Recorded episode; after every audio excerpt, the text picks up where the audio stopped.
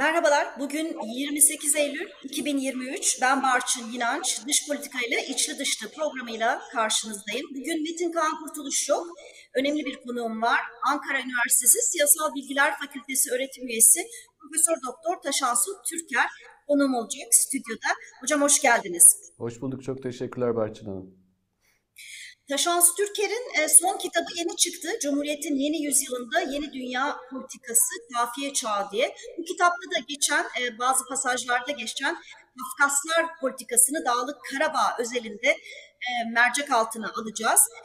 Açıkçası uluslararası ilişkilerde böyle jet hızıyla gelişmeler yaşanması nadirdir. Ancak son 10 gün içinde gerçekten jet hızıyla yaşanan bazı gelişmelere tanıklık ediyoruz Dağlık Karabağ özelinde 19 Eylül'de Azerbaycan Dağlık Karabağ bir askeri operasyon başlattı.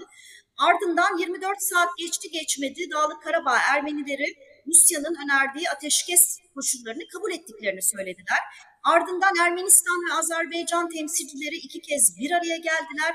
Arada Cumhurbaşkanı Recep Tayyip Erdoğan Nahçıvan'a gitti 24 Eylül'de ve e, İlham Aliyev'le, Azerbaycan Cumhurbaşkanı İlham Aliyev'le bir araya geldi.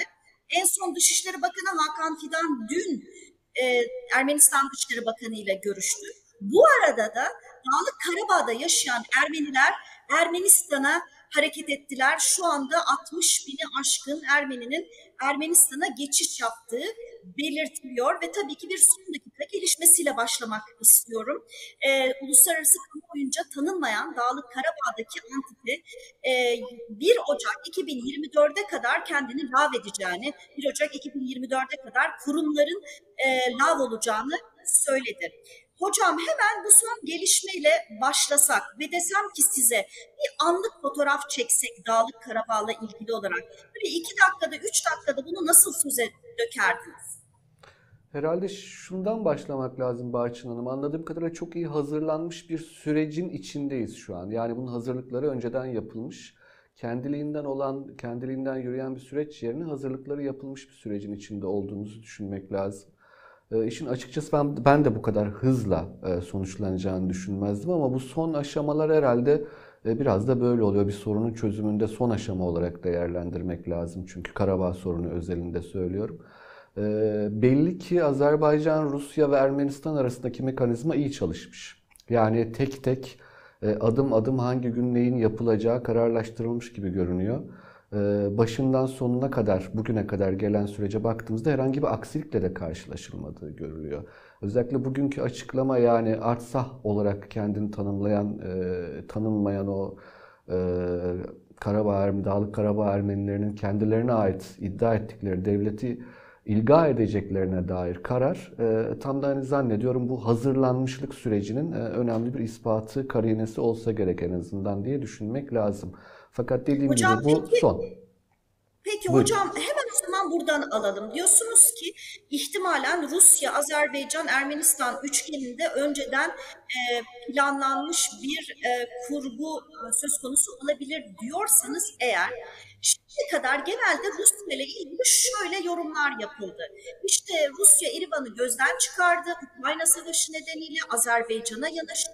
Yahut da Rusya bölgedeki gücünü e, e, zayıflattığı için böyle bir sonuçla karşılaşıyoruz türden yorumlar ki ben açıkçası bu yorumları biraz e, te- temkinli karşılaş, karşılamaktan yanaydım. Rusya'nın konumunu siz nasıl görüyorsunuz? Şöyle orada kategorik olarak ya da metodolojik olarak hakikati anlamaya dair bir sorun var Barçın Hanım bizde. Dış politika yahut politika öyle aklar karalar bir taraftan bir tarafa keskin geçişlerle olmaz. Ee, Yani bunlar nadiren rastlanan şeylerdir. Tarihte de siyasetin içinde de. Ee, Dolayısıyla Rusya Ukrayna cephesinde çok sıkıştığı için Kafkasya'yı boşaltıyor, geri çekiliyor, Ermenistan'ı terk ediyor yorumları çok aşırı yorumlar. Bugün yürüyen sürece baktığınızda mesela Dağlık Karabağ yönetiminde Azerbaycan'ın terörist olarak ilan ettiği, hatta Hocalı katliamından dolayı sorumlu tuttuğu bazı yöneticilerinin Azerbaycan güvenlik kuvvetleri tarafından yakalandığını görüyoruz.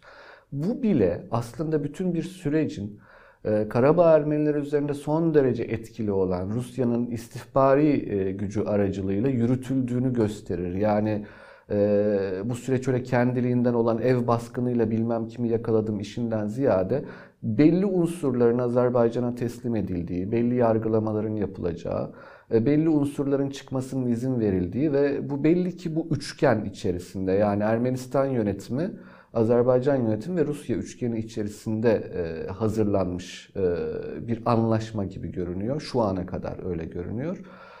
Ve orada hani Rusya'nın yaptığı şey bir equalizer gibi düşünün.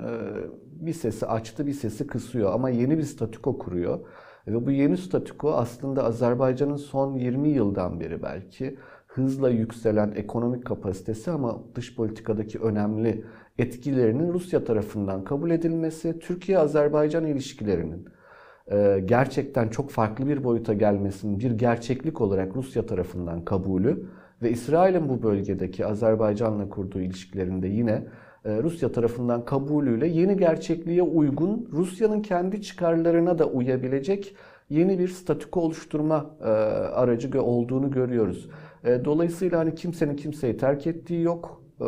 Bir gerçeklik var. Güç oyunu bozar. Azerbaycan burada belli bir şekilde hem Türkiye ile kurduğu ilişkiler, hem İngiltere ile ve Amerika ile kurduğu ilişkiler, hem Rusya ile dengeli ilişkileriyle, hatta bölge dışından İsrail'den de aldığı sağlam destekle e, belli ki Rusya'ya yeni bir gerçekliği dayattı ve orada bir pazarlık yapıldı. Burada tabii ki mutlaka e, Paşinyan'ın da çok yapıcı bir rolü olduğunu akıllardan çıkarmamak gerekir. Çünkü Paşinyan ilk kez e, bunu söylemek zorundayım. Hani bugünlere gelene kadar gerçekle bağını koparmış, hayal dünyasında yaşayan ve bütün varlığını komşularına nefret üzerine kurmuş olan bir ideolojik perspektiften çıkmayı becerdi ve Ermenistan'ı kurtarmak için e, bir şekilde adım atma kararını ve iradesini gösterebildi. E, bu da zannediyorum mühimdir. E, bu yeni denklemin içerisinde Rusya'nın yeni bir statüko kurduğunu fakat manivelaları elinde tuttuğunu akılda tutmak lazım ki bu manivelaların en başında geleni barış gücü, sulh meramlılar denir ya Azerbaycan Türkçesinde. Yani Rusya'nın bölgedeki askeri gücüdür. E, bu askeri güç hala Erivan'da var. E, bu askeri güç artık Azerbaycan toprağı olan Karabağ'da da var. E, dolayısıyla Rusya'nın çok zararlı çıkmadığı yeni bir statüko kurulduğu kanaatindeyim. E tabi Azerbaycan'ın bu konuda çok karlı çıktığını, çok uzun zamandan beri işgal altında olan bir bölgesini, toprağını geri kazandığını hatırlamakta fayda var diye düşünüyorum. Hocam peki şöyle yorumlar yapılıyordu bir dönemde. E, Paşinyan çok batı yanlısı. Dolayısıyla Rusya e, Azerbaycan'a tırnak içinde dümeni kırarak aslında e, bazı e, e, sahada e, kayıplar e, üzerine Paşinyan'ın e, e, iktidardan düşmesini oynuyor gibi bazı yorumlar yapılıyordu. Ama şu anda gördüğümüz e, ne olursa olsun e, kazanım yani herhangi bir kazanımı olmamasına rağmen e, Ermenistan'da işte e, seçimler yapıldı. Özellikle 44 gün savaşından sonra Paşinyan seçimleri kazandı. Rusya'da acaba e, Paşinyan'ı öyle kolay kolay iktidardan gönderemeyeceği gerçeğiyle karşılaştı ve dolayısıyla sizin söylediğiniz gibi kurgunun içine Paşinyan'ı da mı aldı diye bakmamız gerekiyor. E, gayet gayet tabii ki iç, iç tutarlılığı olan bir değerlendirme parçanın. Març'a bir şey daha hatırlatmak lazım. Yani sizin elmayı seviyor olmanız elmanın da sizi sevdiği anlamına gelmez. E, elma çok size aşık olabilir e, fakat elmanın kapasitesi olmayabilir. Yani Paşinyan'ın batıcı olduğuna dair, batıyla daha yakın ilişkiler sahibi olmak e, olması gerektiğine dair Ermenistan'a böyle bir tahayyül sahibi olduğunu inkar etmek mümkün değil. Fakat Batı'nın kapasitesizliği bugünlerde Rusya açısından bir oyun kurma imkanı yarattı. Özellikle Kafkasya bölgesine Batı'nın herhangi bir müdahale etme kapasitesinin olmadığını biz bu iki büyük savaştan önce değil mi 2020 yılında Tovuz'daki e, Ermenistan'ın Azerbaycan'a saldırılarında görmüştük. Yani Batı burada oyun kuramıyor. Burası açık. Ee, ciddi anlamda bir kapasitesizlik sorunu yaşıyor. Ee, Paşinyan da bu anlamda e, evet e, Batı ile bütünleşik bir Ermenistan talebi olsa da bu gerçeğin içerisinde Rusya'ya yanaşır. Rusya bu anlamda Batı'nın kapasitesizliğini gördüğü için Paşinyan'ın batıcı olmasına rağmen şu an istediği statükoyu kurmasında onu araçsallaştırır. Fakat bu e, sür git gideceği anlamına gelmez. Belli bir moment gelir ki Rusya açısından e, Paşinyan'ın batıcılığı gerçek sonuçlar doğurma ihtimali e, sahibi olduğunda yani böyle bir ihtimal ortaya çıktığında Paşinyan'ın devrildiğinde görmek çok e, şaşırtıcı olmaz herhalde hiç kimse için. Peki Rusya'nın yeni bir statü oluşturmakta olduğunu söylüyorsunuz. Ne türden bir statüko bu? Ve bu statükoya Ankara ve Bakü'nün yaklaşımı nedir? Onu da sizden duyalım. Aslında bu statüko şöyle, yani bu statükoyu değerlendirirken birkaç çerçevede değerlendirmek lazım. Bir, bir Kafkasya e, bağlamında değerlendirmek gerekir. Yani oradaki üç ülke ve onların kendi iç ilişkileri, tarihsel geçmişleri, hafızaları vesaire böyle bir e, gerçeklik var. İkincisi üç büyük komşu yani Türkiye, Rusya ve İran bunların dengesi belirleyici oluyor statikoda. Üçüncüsü daha küresel bir süreç. E, burada da ticaret yolları çatışması, tartışmasında Rusya'nın bir şekilde e, yeni bir arayış içinde olduğunu söylemek lazım. Tek tek gidecek olursak sondan başlayalım. E, bu statikoda en önemli husus Rusya'nın kendi üzerinden geçecek olan doğu-batı hattında, kuzey hattı olarak tanımlanan lojistik hattının artık kapandığına kanaat getirdiği için ee, Batı bloku içerisinde herhangi bir çatlak yaratabilmek adına bir ihtimal olarak orta kuşağı mümkün kılma e, sürecine katıldığı olarak değerlendirilebilir. Çok karmaşık bir cümle oldu ama şunu söylemeye çalışıyorum. Rusya kendi üstünden geçen hattın kapandığını gördü ve Çin ile Avrupa'nın arasında bir hattın oluşması için orta kuşağı imkan tanıdı. Bu da Zengezur hattının açılmasıdır. Kafkasya'da bir istikrarın sağlanmasıdır. Birinci katman bu.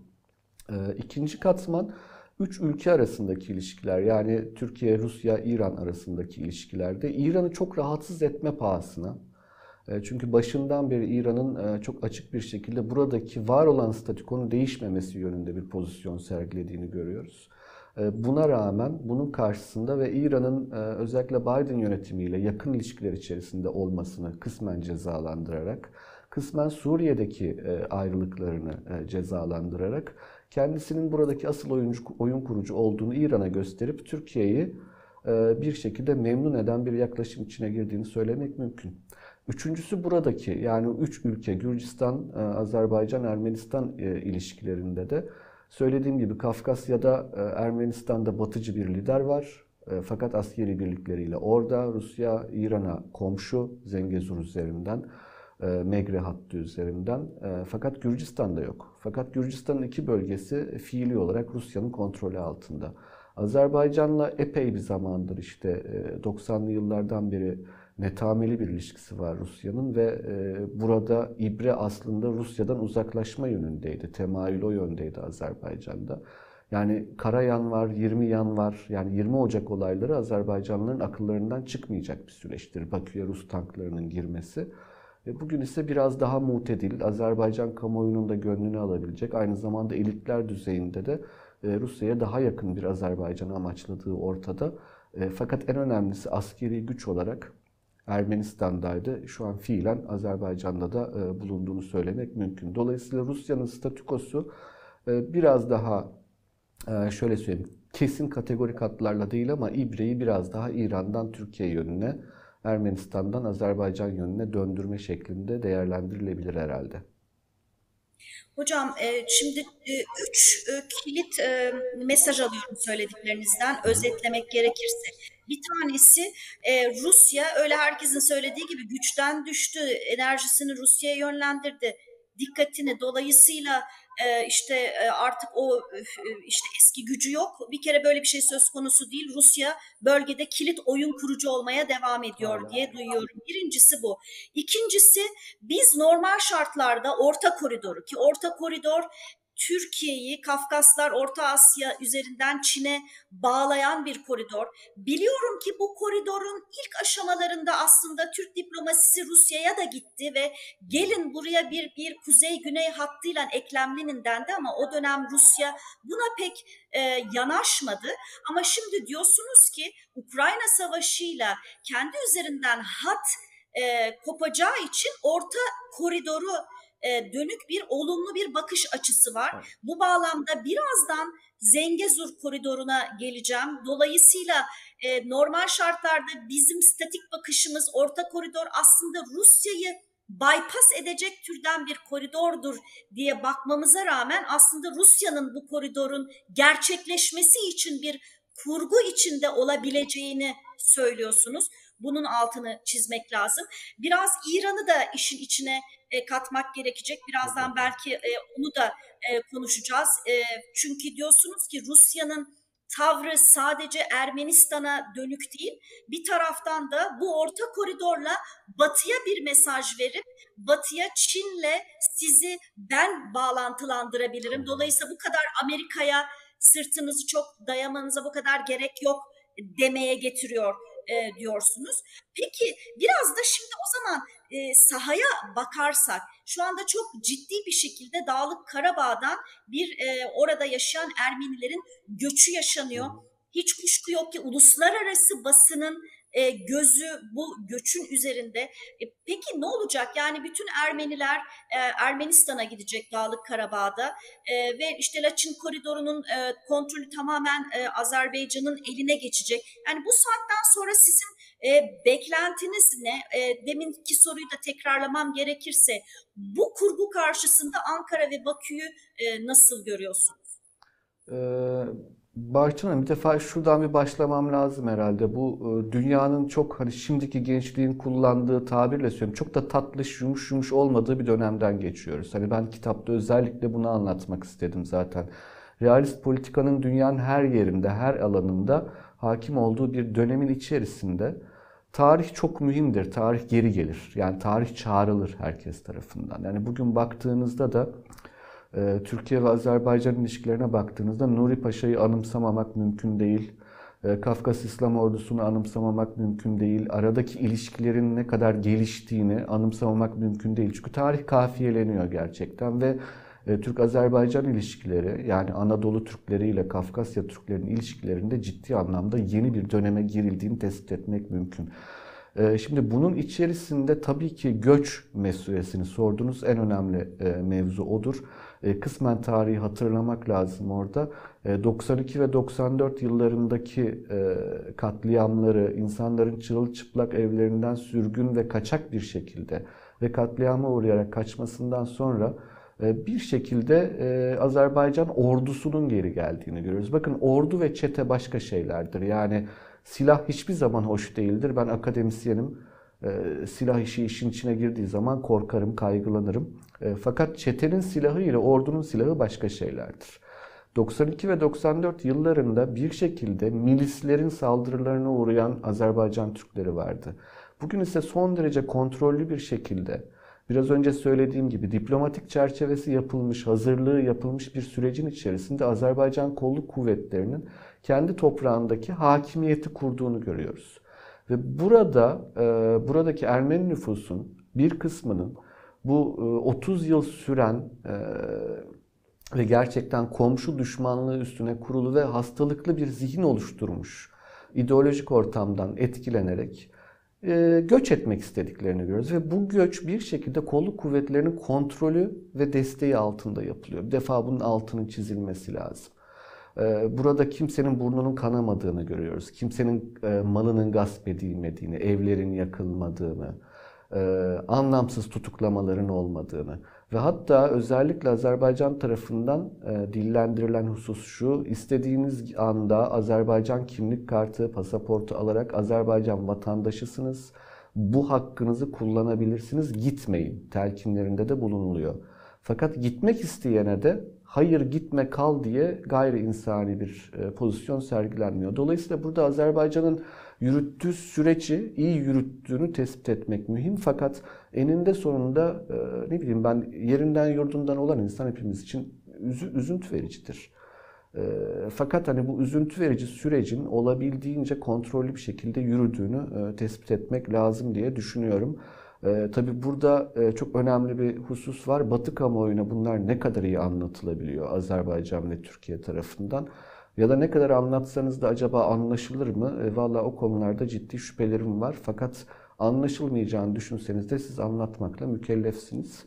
E, o konuda zannediyorum Azerbaycan e, cür yani cüssesine nispetle çok başarılı bir şekilde kamu diplomasisini yürütüyor ama e, Türkiye'de zannediyorum biraz daha açıklayıcı olmak durumunda Batı'da bu konularda. E, göç konusunu böyle değerlendiriyorum ve şunu hatırlamamız lazım. Buradaki demografik yapı eğer tarihsel gerçekler, tarihsel sürekliler, süreklilikler diyecek olursanız hiç kimseyi memnun etmez. Yani buranın demografik yapısına dair elimizdeki veri 1905 Çarlık Rusyası nüfus sayım belgeleridir. Kimse memnun olmaz. E, fakat üstünden ne yazık ki bir Stalin kabusu geçti bütün Sovyetler coğrafyasının. Burada da demografik yapı hiç de gerçeğe uygun olmayan şekilde siyasi gerekçelerle e, bozulmuştu.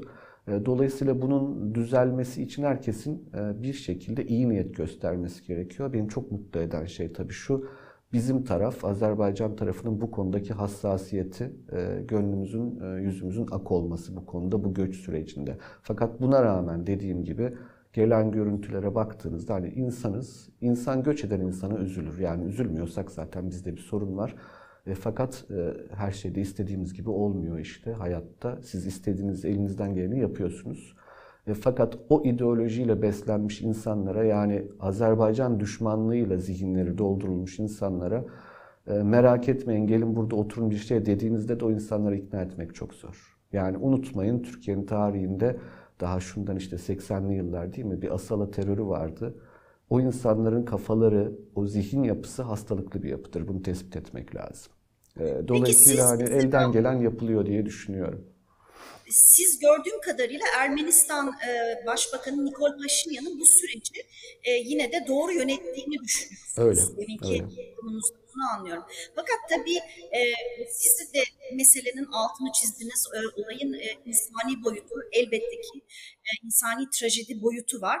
E, bir de işin tabii bu demografik e, e, nüfus e, kaydırmalarında e, bir takım siyasi sonuçlar da ortaya çıkarabilir. Ermenistan zaten küçük bir nüfus ve Dağlık Karabağ Ermenilerinin Ermenistan'a gitmeleri önümüzdeki dönemde Paşinyan'ın elini zayıflatıcı bir ihtimal de doğurur diye düşünüyorum. Siz ne düşünüyorsunuz? Kesinlikle çok ince ve çok doğru bir tespit bu. E, fakat anladığım kadarıyla o yüzden işte e, bu Dağlık Karabağ Ermeni elitlerinin siyasi özne yaratma kapasitesi olan, siyasi impact yaratma etkisi, siyasi impact yaratma kapasitesi olan bazılarının e, Azerbaycan'a teslim edildiği kanaatindeyim ben. E, yani nüfus oranı olarak bakacak olursanız 100 binlik bir nüfus bugünkü Ermenistan nüfusunun içerisinde çok büyük değil. E, fakat orada tabii ki asıl olan e, ideolojinin, siyasetin mobilize etme kapasitesidir. E, onun önünü kesmeye çalışacağını da düşünüyorum Paşinyan'ın. Fakat hepsinden önemlisi e, Azerbaycan'ın içerisinde Ermeni nüfusunun bulunması Dağlık Karabağ bölgesinde e, öyle ya da böyle bir nüfusun bulunması Azerbaycan'ın dünyadaki e, tanınırlığı ve saygınlığı anlamında da önemli olacaktır. Fakat bu dediğim gibi bir devletin bütünlüğü içerisinde şu an o imkan var. Ben zannetmiyorum ki bütün Karabağ Ermenilerinin Karabağ tamamen terk edeceğini. Mutlaka bir kısmı kalacaktır. Fakat gidenler içinde bugün işte gelen görüntüler, heykellerin sökülüp taşınıyor olması, e, yollarda bir şekilde destek sağlanıyor olması önemli. E, gittikleri yerde Ermenistan'da Ermenistan'ın en acil ihtiyacı çok fakir bir ülke Ermenistan. E, fakat fakirliğinden öte başka bir sorun var. Ermenistan'ın zihni gerçekten çok karartıldı. Yani 19. asırdaki Balkan milliyetçiliklerine benzeyen son derece anakronik, agresif, şiddete meyyal bir ideolojik ortam var e, kamusal ortam var. Bu ortamın dönüşmesi gerekiyor Ermenistan'da. Emin olun bu işin birinci ayağı zenginleşmedir. E, fakat emin olun sadece zenginleşmeyle olmaz. E, Paşinyan'ın o yüzden ülkenin toplumsal düşünce sistematiğini, hakim atmosferi değiştirme konusunda da umuyorum adımları olur. Çünkü orada böyle dünyaya kapalı, komşularına nefretle bakan ee, kendisiyle kavgalı bir nüfus kimseye hayır yok. Ee, bize de hayır yok. Kendilerine hayır yok ama her şeyden evvel. Sizin de e, söylediğiniz gibi yani tasvir ettiğiniz o ortamdan bir Paşinyan e, çıkabiliyor ve şu anda işte ayakları üzerinde e, kalıp e, tahmin ediyorum içeriden de çok e, evet. yoğun e, muhalefetle e, başa çıkmaya çalışıyor. Dolayısıyla bu noktada e, Bakü ve Ankara'nın bu saatten sonra nasıl bir yol izlemesi gerekir? Bir gerekiri var. İkincisi nasıl bir yol izliyorlar? Yani nasıl bir yol izliyorlar ve o yol e, izlemeleri gereken yol mudur diye e, sormak istiyorum. E, bu noktadan sonra da bir sonraki adım ne olacak? Herkes için bir sonraki adım aşağı yukarı Zengezur koridoru. Şimdi hı hı. siz demin de söylediniz Rusya bu e, orta koridorun açılmasını istiyor. Orta koridorun e, açılması için de Zengezur koridorunun açılması evet. Türkiye ve Bakü açısından önemli gözüküyor. Zengezur koridoru nedir? Nahçıvan'la e, Azerbaycan arasında bir koridor Ermenistan topraklarından geçen hemen İran'a e, teğet geçiyor. Evet. Şimdi benim gördüğüm kadarıyla Aliyev ve Erdoğan Nahçıvan'daki toplantılarında e, Zengezur'la ilgili hemen bir baskı yapalım noktasında görmedim onları. Uluslararası yorumcular bir sonraki adım böyle ultimatom verilmesi olacak dendi ama e, hiç bahsi geçmedi. Sanki belki Paşinyan'a biraz daha e, bir rahatlatma, biraz daha nefes alsın. Bu aşamada hemen Zengezur'u gündeme getirmeyelim mi dendi. E, Cumhurbaşkanı diyor ki Ermenistan'dan geçmezse İran'dan geçiririz. İran da buna pozitif bakıyor gibi bir cümlesi var alternatif olarak. Bütün bu söylediklerimin üzerine siz neler söylersiniz? E, var çok önemli bu. Şimdi birinci sorunuzdan başlayayım. Hani ne, yap ne yapılması gerekir? E, ya entegrasyon çok mühim bir kavram. Yani bütün bir Kafkasya bölgesinde, Güney Kafkasya bölgesinde oranın bir e, barış sahası, barış vahası olmasını sağlamak Türkiye'nin elinde. E, sadece Türkiye'nin elinde değil tabii ki. Fakat bu artık şu noktadan sonra mümkündür diye düşünüyorum. Yani işgal altında bir toprak kalmamış ee, dolayısıyla adalet sağlanmış. Ee, dolayısıyla e, bir gelecek tahayyülü var. Bunun üzerine bir zenginleşme umudu var. Ee, daha küresel ölçekte dediğiniz Zengezur koridorunun imkanı var vesaire. Hem e, geçmişten gelen sorunların temize çekilme ihtimali hem de bir gelecek e, tahayyülünün bir arada olduğu yerde zannediyorum daha yapıcı bir siyaset her taraf açısından mümkündür. E, orada tabii ki e, unutmamak lazım. İşte o üç büyük komşu dedim ya yani Güney Kafkasya komşu üç büyük güç Rusya, Türkiye ve İran'ın ne kadar anlaşabilecekleriyle ilgili. Burada hani mutlaka hani şunu hatırlamamız lazım. E, bu işler biraz siyasal kültür meselesidir, biraz siyasal birikim işidir. İşte efendim Almanya ile Fransa savaştılar, Avrupa Birliği'ni kurdular. Ya çok zor oldu. Öyle pat diye olmadı o işler. E, bir ihtiyaç gerekir bir de tahayyül gerekir. Yani sorunları çözmüş olmak o ihtiyaçtır, negatif, menfi unsurdur. Bir de müsbet unsur yarın tahayyülü. Bunlar var. Fakat siyasal kültür anlamında Rusya'nın e, bu hiyerarşik bakış algısı nasıl değiştirilir?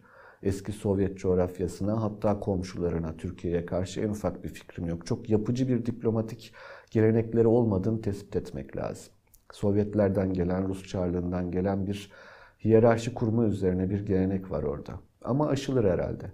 Ama İran konusu nasıl aşılır? Çünkü İran'ın başka kaygıları var. Ee, İran'ın çok daha e, bölgesel, sadece bu bölgeye dair değil, daha geniş bölgesel kaygıları var. Ee, orada da işte mesela tarihi bazı gerçekleri hatırlatmak, mesela Tebriz-Trabzon ticaret yolunu hatırlatmak İran'a ee, bir şekilde daha olumlu unsurları öne çıkarmak herhalde siyaset yapıcılar için daha kolaylaştırıcı olacaktır diye düşünüyorum.